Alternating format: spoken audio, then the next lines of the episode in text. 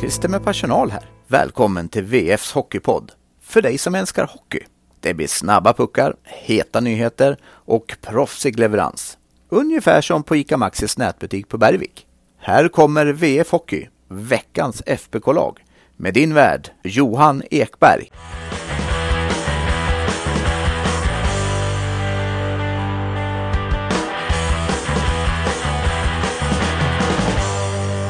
Säsongen är igång på allvar, nu också i poddform. Tre matcher är spelade, tre matcher ska summeras när jag med glädje för första gången den här säsongen välkomnar er till VF Hockey, veckans FBK-lag. Och när jag även med glädje välkomnar in i poddåret 22-23 Jonas Griberg. Ja men tack så mycket, tack så mycket. Hur är läget? Det är bra. Det är, eh, väl kul att det är igång lite igen. Eh, och Färjestad ska väl, eh, är det väl också bra med. De toppar ju tabellen efter tre omgångar. Är det dags att boka torget eller?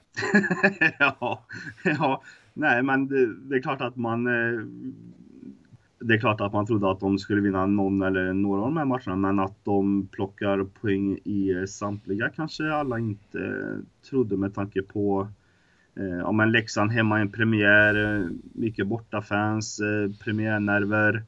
Eh, mm. Och med tanke på hur det gick förra säsongen i hemmapremiären mot dem så eh, var det väl nästan upplagt för ett eh, antiklimax. Allt med att det var supportermarsch från eh, torget till, eh, till att den här, det här tionde guldet skulle upp i tak och allting sånt. Så, eh, och, och, både du och jag var ju på matchen och eh, kände efter första provet att det var, det var de här klassiska eh, premiärnerverna. var många mm.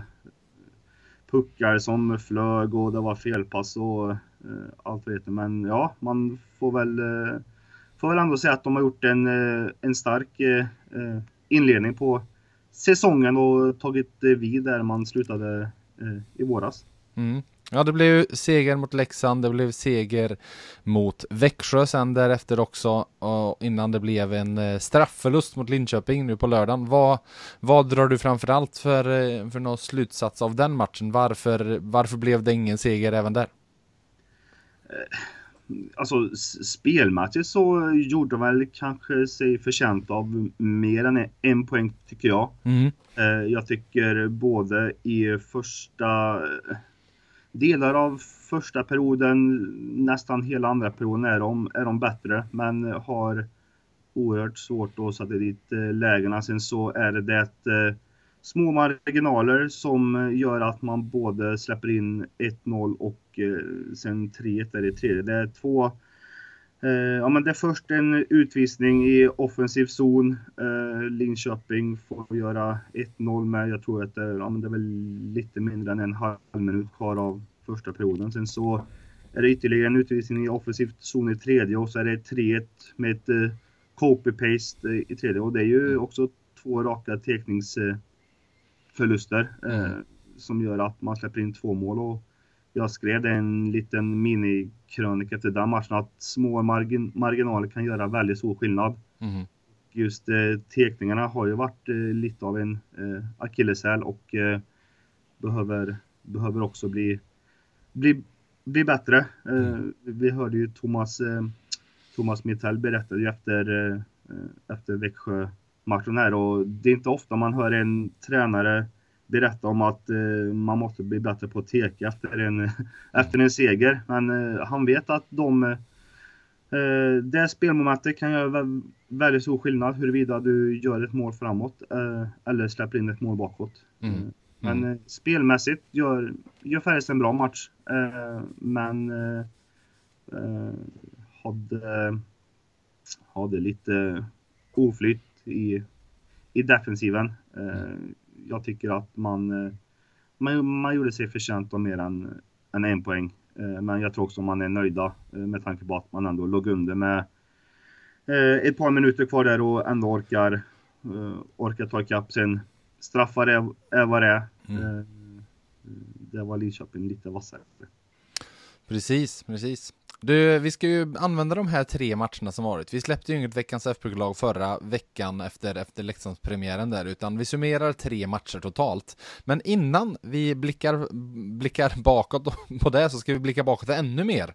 Eh, för förra säsongen. Vi redovisar faktiskt aldrig veckans FBK-lag totalt sett för er eh, lyssnare. Så jag tänkte vi ska göra det och här får ni då alltså veckans FBK-lag 21-22 och då är det sett till de som fick flest uttagningar i laget. 21 veckor tog vi ut lag och i mål, föga överraskande, Dominik Furch uttagen 11 av 21 veckor. Rimligt? ja, jag, eh, jag eh, står bakom det beslutet. Mm. Eh, på backsidan så hade vi den back som blev uttagen flest gånger var Jesse Virtanen, uttagen 9 av 21 veckor. Och sen på andra backplatsen, då var det lite jämnare. Vi hade Joel Nyström på 5, Albert Johansson på 6, Mattias Göransson på 7. Men den som faktiskt fick den var Mikael Wikstrand på 8 av 21 veckor. Hur ser du på backduon? Eh, lite både väntat och kanske inte helt eh, väntat. Nu, nu känns det som att det var en evighet sedan som, eh, eh som eh, Mikael Wikrand eh, eh, spelade hockey i och med att han knappt var med i, i slutspel här. Men eh, det är väl ingen hemlighet att han, när han är hel och frisk och eh, är i sin absoluta toppform, det är klart han är en av, av ligans eh, ja, men bästa backar och Virtanen har vi ju vetat under längre längre tid vad han, eh, vad han betyder eh, mm. för laget både offensivt och eh, defensivt. Och ja, de tillsammans, det är, det är ett backpar som är, som är svårslaget. Mm. Både mm. sett med Färjestads mått och sett till hela, hela ligan. Vi ska väl även säga att det här är väl varken Wikstrand eller Virtanen gjorde sina bästa säsonger i fjol. Eh, men det var väl en backuppsättning som hade det lite halvkämpigt under stora delar av säsongen, men det föll ju på plats till sist. Eh, vi hoppar framåt och tar forwards och här sticker några namn ut. Jag ska säga att Ganska många är det som har fått mellan fyra till en uttagning i veckans lag, men det är faktiskt bara fem forwards totalt som har fått mer än fem Eh, uttagningar. Och det är Daniel Wiksten på 6, Per Åslund på 8 och sen den klara trion som får platserna i årets FBK-lag eh, ut, ut, efter det här. Två stycken på 10, Gustav Rydahl och Linus Johansson och en på 11, Joakim Nygård. Var väl heller kanske inga jättehög oddsare att det blev de tre. Nej, men sen att det var så pass jämnt, det betyder väl också lite att eh, Eh, Eh, att man hade en helt annan bredd på forwardssidan. Eh, eh, jag tror Johan Penneborn berättade väl i, i början av seriestarten att han inte trodde att någon, någon från Färjestad skulle vinna den totala poängligan och anledningen var väl att dels att de skulle sprida ut istiden och sen att det skulle vara väldigt många som eh, som eh, om man skulle få chansen att bidra eh, mm. offensivt. Eh, och det var väl långt ifrån, eh, alltså kollar man rent eh, poängmässigt individuellt så var det väl inte allt för många som slog sina egna poängrekord. Jag tror Joakim Nygård gjorde, gjorde väl det kanske. Utan ja, det gjorde han. Det gjorde han. Mm. Vi kan ju titta i ett lite större perspektiv att vi har nu nämnt sex spelare, tre stycken har lämnat och en är långtidsskadad. Så det har försvunnit lite, lite spets, ryggrad ur det här laget inför den här säsongen. Det är ju inget snack om det. Nej, det är det inte. Eh, sen så, nu är det också väldigt tidigt att dra eh, dra slutsatsen hur det, hur det ska falla ut. Men jag tycker att eh, ser man på en sån som eh, Marcus eh, Westfall som har kommit in här från, eh, från Hockeysvenskan så måste jag ändå säga att jag är eh, positivt eh, överraskad. Märks att han har han har mycket hockey i sig och jag tror han kommer och växa in mer och mer ju längre den här säsongen går. Mm. Se, om, ja men precis. Vi får se om Westfält tar en plats när vi nu ska ge er säsongens första veckans FBK-lag. Och jag börjar på målvaktssidan. Det har faktiskt varit två, två målvakter som har stått. Matildeby stod mot Linköping, men platsen föga överraskande i första veckans FBK-lag tar Matt Tomkins. 93,33 efter två starter. Det är bäst av alla målvakter i SHL det som stått mer än en match. Vilket även hans 1,5 insläppta mål per match är. Så en väldigt, väldigt fin säsongsinledning av Matt Tomkins. Tycker han ser lugn ut. Eh, och tycker framförallt att han har lyckats kliva fram med sådana där 4 plus 5 plus räddningar eh, på de riktigt, riktigt heta lägen han har haft mot sig. Eh, med tanke, alltså vi får väl ändå säga att det var en lite fladdrigare insats av Dennis Hildeby. Eh, och det känns väl som att Tomkins, lite med det och lite med det vi har sett att han faktiskt fick stå de två första matcherna, är den målvakten som Färjestad kommer gå med nu inledningsvis. Vilket är inte är något annat än förväntat, så sett. Back nummer ett, Griberg, vem har vi där? Mm. Eh, om jag säger så här då, eh, om, om du fick vara Färjestad-tränare för en match, eh, vem, vem hade varit den första du hade stoppat in om ni skulle försvara en ledning i slutminuterna? Han har ju, kompisen har ju försvunnit, Adam Ginning, så nu är det väl Mattias Göransson kvar.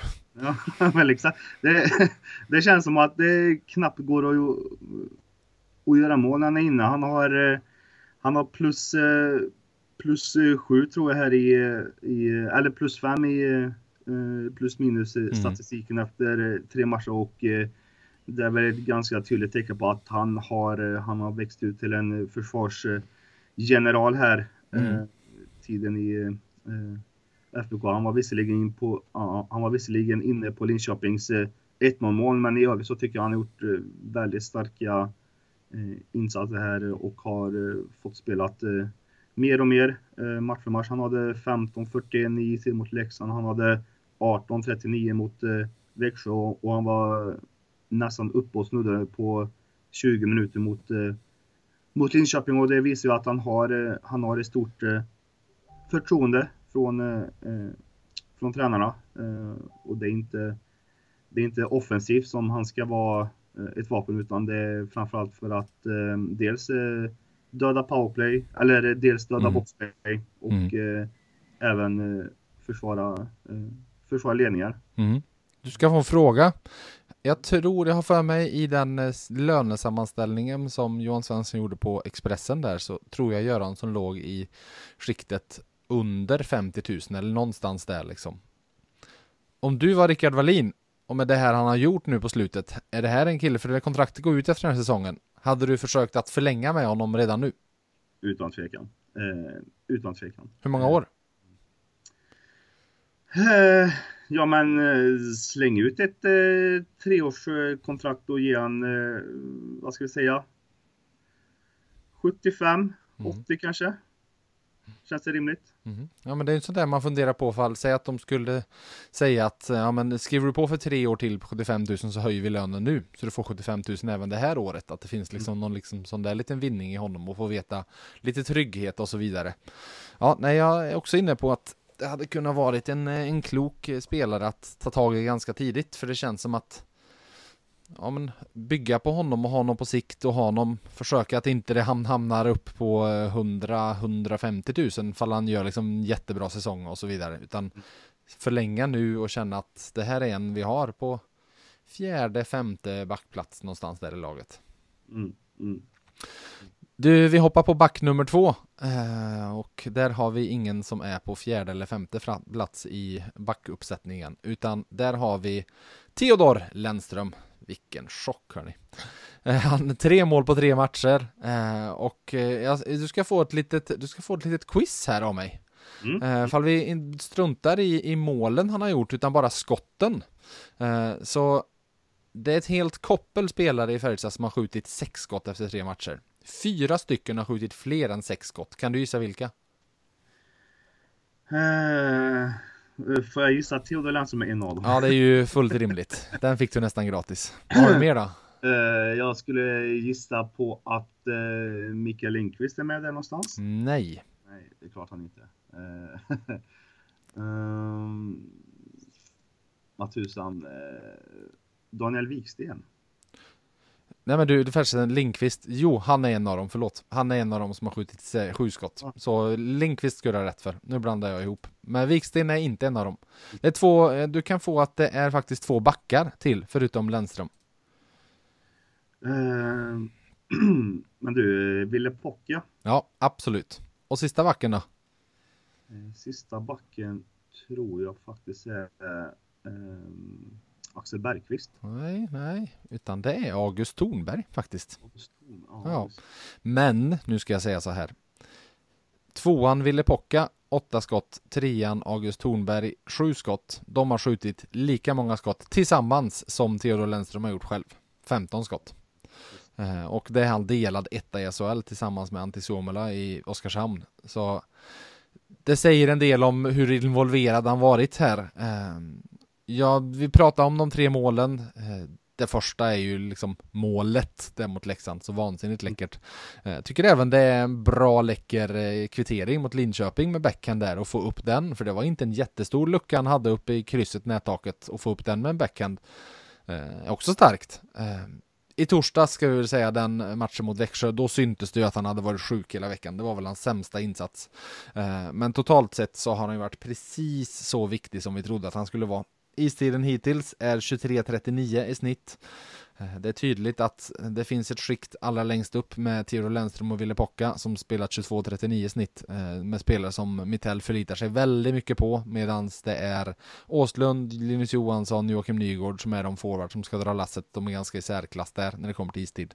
Och det har ju Mittell varit inne på att speciellt här i början så är det ju lite så att de, de som varit med förut måste dra lasset. Men du, innan vi eh, hoppar vidare fram till forwards och hur, eh, vilka, vi plockade namn, vilka tre namn vi plockar ut där, så tänker jag att vi ska väl även få med Carl-Oskar Lysander här i premiärpodden. Så vi gör så vi lämnar ner till Lövers Arena, där Lysander har pratat just med Theodor Lennström om säsongstarten.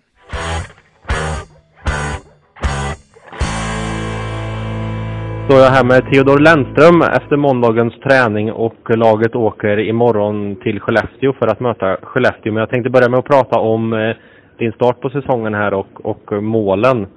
Eh, var kommer denna målform ifrån? Jag försöker alltid ha mål där ute. Eh, jag älskar att göra mål och sen nu i början har det några som har gått in men det har bara gått tre matcher så det, det säger inte så mycket. Utan det kommer vara viktigt att fortsätta hålla i här och det är en lång säsong framför oss. Det var ju lite rörigt där med kvitteringen mot Linköping. Hur uppfattade du eh, situationen och eh, hur pucken kom fram till dig? Jag försöker bara ta, jag ser att det är fyra, fem, sex stycken som ligger och, och letar efter pucken. Och jag var ju där inne från början, men så tänkte jag ta ett steg ut och försöker hitta någon puck som kommer ut och sen kom pucken till mig. Och, och eh, jag lyckades få in den. Eh, hur den kom dit, eh, det var svårt att se. Det var så många, så mycket folk där så det är omöjligt att se hur den kommer ut. Men ja, det var skönt att se den gå in i alla fall. Vad kände du kring er, er match generellt? Jag tycker vi gör en, eh, en rätt bra match. Eh, men eh, vi är inte tillräckligt effektiva och vi är inte tillräckligt bra i sista lägena, sista passningarna, sista när vi ska göra målen. Och ja, lite där tappar vi matchen men annars jag tycker grunderna sitter där.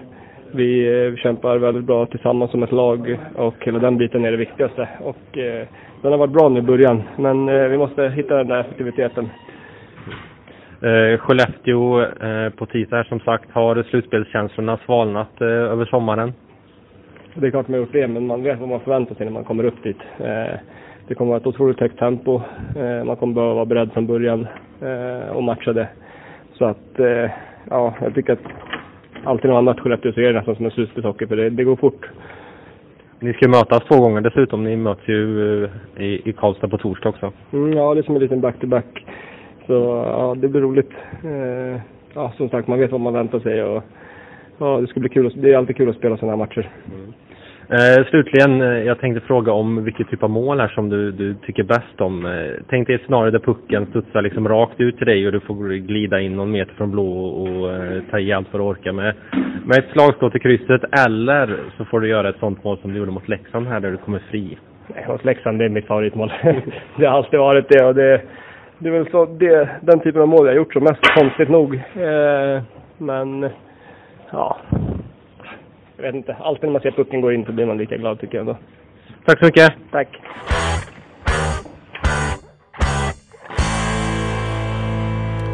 Där hade vi Theodor Lennström, men nu ska vi hoppa på forwards istället och eh, där låter jag dig ta första namnet Gribba. Vem har vi på första forwardplatsen? Där har vi en kille som eh, nu kanske har uh, tystat uh, myten om att han inte kan göra mål på friläge. Joakim Nygård. Det, det, krävdes ett boxplay för att han skulle bryta måltorkan och ja, se på fan han kan. Han kan göra mål när han kommer fri också. Det mm. hör inte till hör inte till vanligheterna. Jag vet att det har, det har pratats eh, mycket om under, under matcher. Både du och jag som har, som har varit på pressläktaren och pratat med kollegor från andra redaktioner att Joakim Nygård hade, hade haft många år i, i NHL nu om man, om man hade varit effektiv på sina lägen. Mm. Men 1 plus 3 på, på de här tre matcherna och lirar cirka, cirka 19 minuter. Eh, det kommer väl, kommer väl fortsätta så eh, för honom och eh, det är klart att blir han en mer effektiv spelare så är Färjestad nog glada att de, att de har honom ett par... Jag tror de är ganska nöjd med den effektiviteten han har nu faktiskt. Ja, eh, han, har, han har varit bra. Han ja. har stått för individuella prestationer. Han har blandat eh, hårt jobb i, i boxplay med att vara, eh, vara en liten showman mm. eh, där ute. Han hade ju väl någon sjuk eh, dragning här mot, eh, mot Växjö hemma där han sen eh, satt upp, eh, ja, vem var det han satt upp? Var det, var det Mikael Lindqvist som fick stå mm. helt eh, fri i slottet? nej, men det är så. Han har han har inlett eh, den här säsongen eh, väldigt bra och eh, det skulle inte förvåna om han ökar sin poängproduktion i år igen och eh, till och med är en, eh, eh, en VM-spelare sen när det, när det är dags för det. Mm. Ja, absolut. Den potentialen och kvaliteten framförallt finns. Vi hoppar på forward nummer två och där har vi Marcus Lillis Nilsson. I plusbetyg-podden där jag och Sanni satt och satte betyg på hela Färjestad-laget så pratade jag eh, lite om hur överraskande det var att Lillis i SM-slutspelet faktiskt var Färjestads corsi-kung. Och, tro på det, han har inlett säsongen nu likadant. 66% av skotten har varit chanser för, alltså offensivt, mot 34% emot när han har varit på isen. Bäst i Färjestad och jätte, jättebra eh, siffror så sett. Jag måste även säga att jag tycker att han ser betydligt piggare ut nu än för ett år sedan. Eh, han ser mer ut som den där Lillis han var innan han lämnade, eh, som var så svår att ta pucken ifrån, än den som kom tillbaka i fjol som kändes som, vad ska jag säga, det var typ en tändsticka eh, svår att knuffa ifrån eh, för att han, han, eh, det, det, det, var inte, fanns inte alls samma dominans över pucken då. Eh, ska även säga att det här har ju belönat sig eh, sett till att vi pratade även tidigare om hur, hur lite speltid Lillis hade i slutspelet 12.57 och hur han liksom var på 15 plats i hela laget.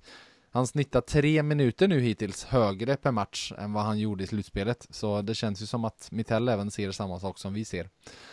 In i veckans FBK-lag, vilket vi även kan jämföra med i fjol och säga att då dröjde det till vecka 10 innan han för första gången tog sig in i det.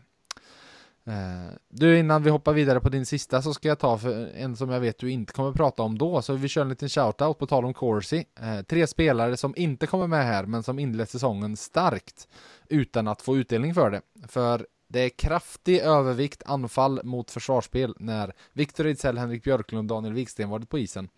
Så fortsätter de så här så kommer till sist puckarna och skotten börja trilla in och de kommer bli ohyggligt viktiga. Eh, för de har varit dominanta faktiskt sett till spelbilden när de har varit på isen i 5 mot 5. Men vem har vi då som sista forward in? För nu sa jag att det inte var någon av dem. Mm, där har vi eh, mannen, eh, mannen på flaggan. Mm.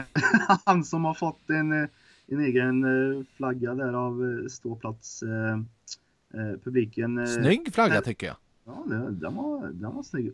undrar hur lång tid den tog att rita. Mm. Mm. Jag frågade ju Per, per vad han tyckte och uh, han vred lite på sig och precis när jag ställde frågan så kom han på ja just han kan ju liksom inte säga att han tycker att flaggan är snygg för att det är ju hans ansikte på den. Det blir ju nästan lite självgott. Så han, han sa att de, de har gjort ett bra jobb eller någonting landade i alla fall. Men varför får han en plats i laget då? Uh, han får en plats i laget för att han är han är bäst i laget på att göra sina medspelare bättre. Mm. Eh, jag vet inte hur många år vi har vi har suttit inför en säsong och sagt att nu, nu vänder det för, för Perros. Han kan inte vara lika bra som innan. Han har, han har blivit gammal och jada jada. Men det, han, är, han är som ett sånt här vin, du vet. Han blir, han blir bara bättre och bättre med åren. Mm. Eh, och eh, det kanske inte just är för hans eh, poängutdelning som eh, han är med den här veckan, men han är eh, han är nyttig spelare, han är, han är alltid på rätt plats, han gör, han gör alltid jobbet. Eh, och det känns som att han han har, han har skaffat sig en han har skaffat sig en, en respekt för motståndarna. Mm. Det, det, är sällan jag ser det sällan jag ser Per Åslund bli tacklad. Ja. Det känns som att motståndarna alltid lämnar en halv meter. Mm. Och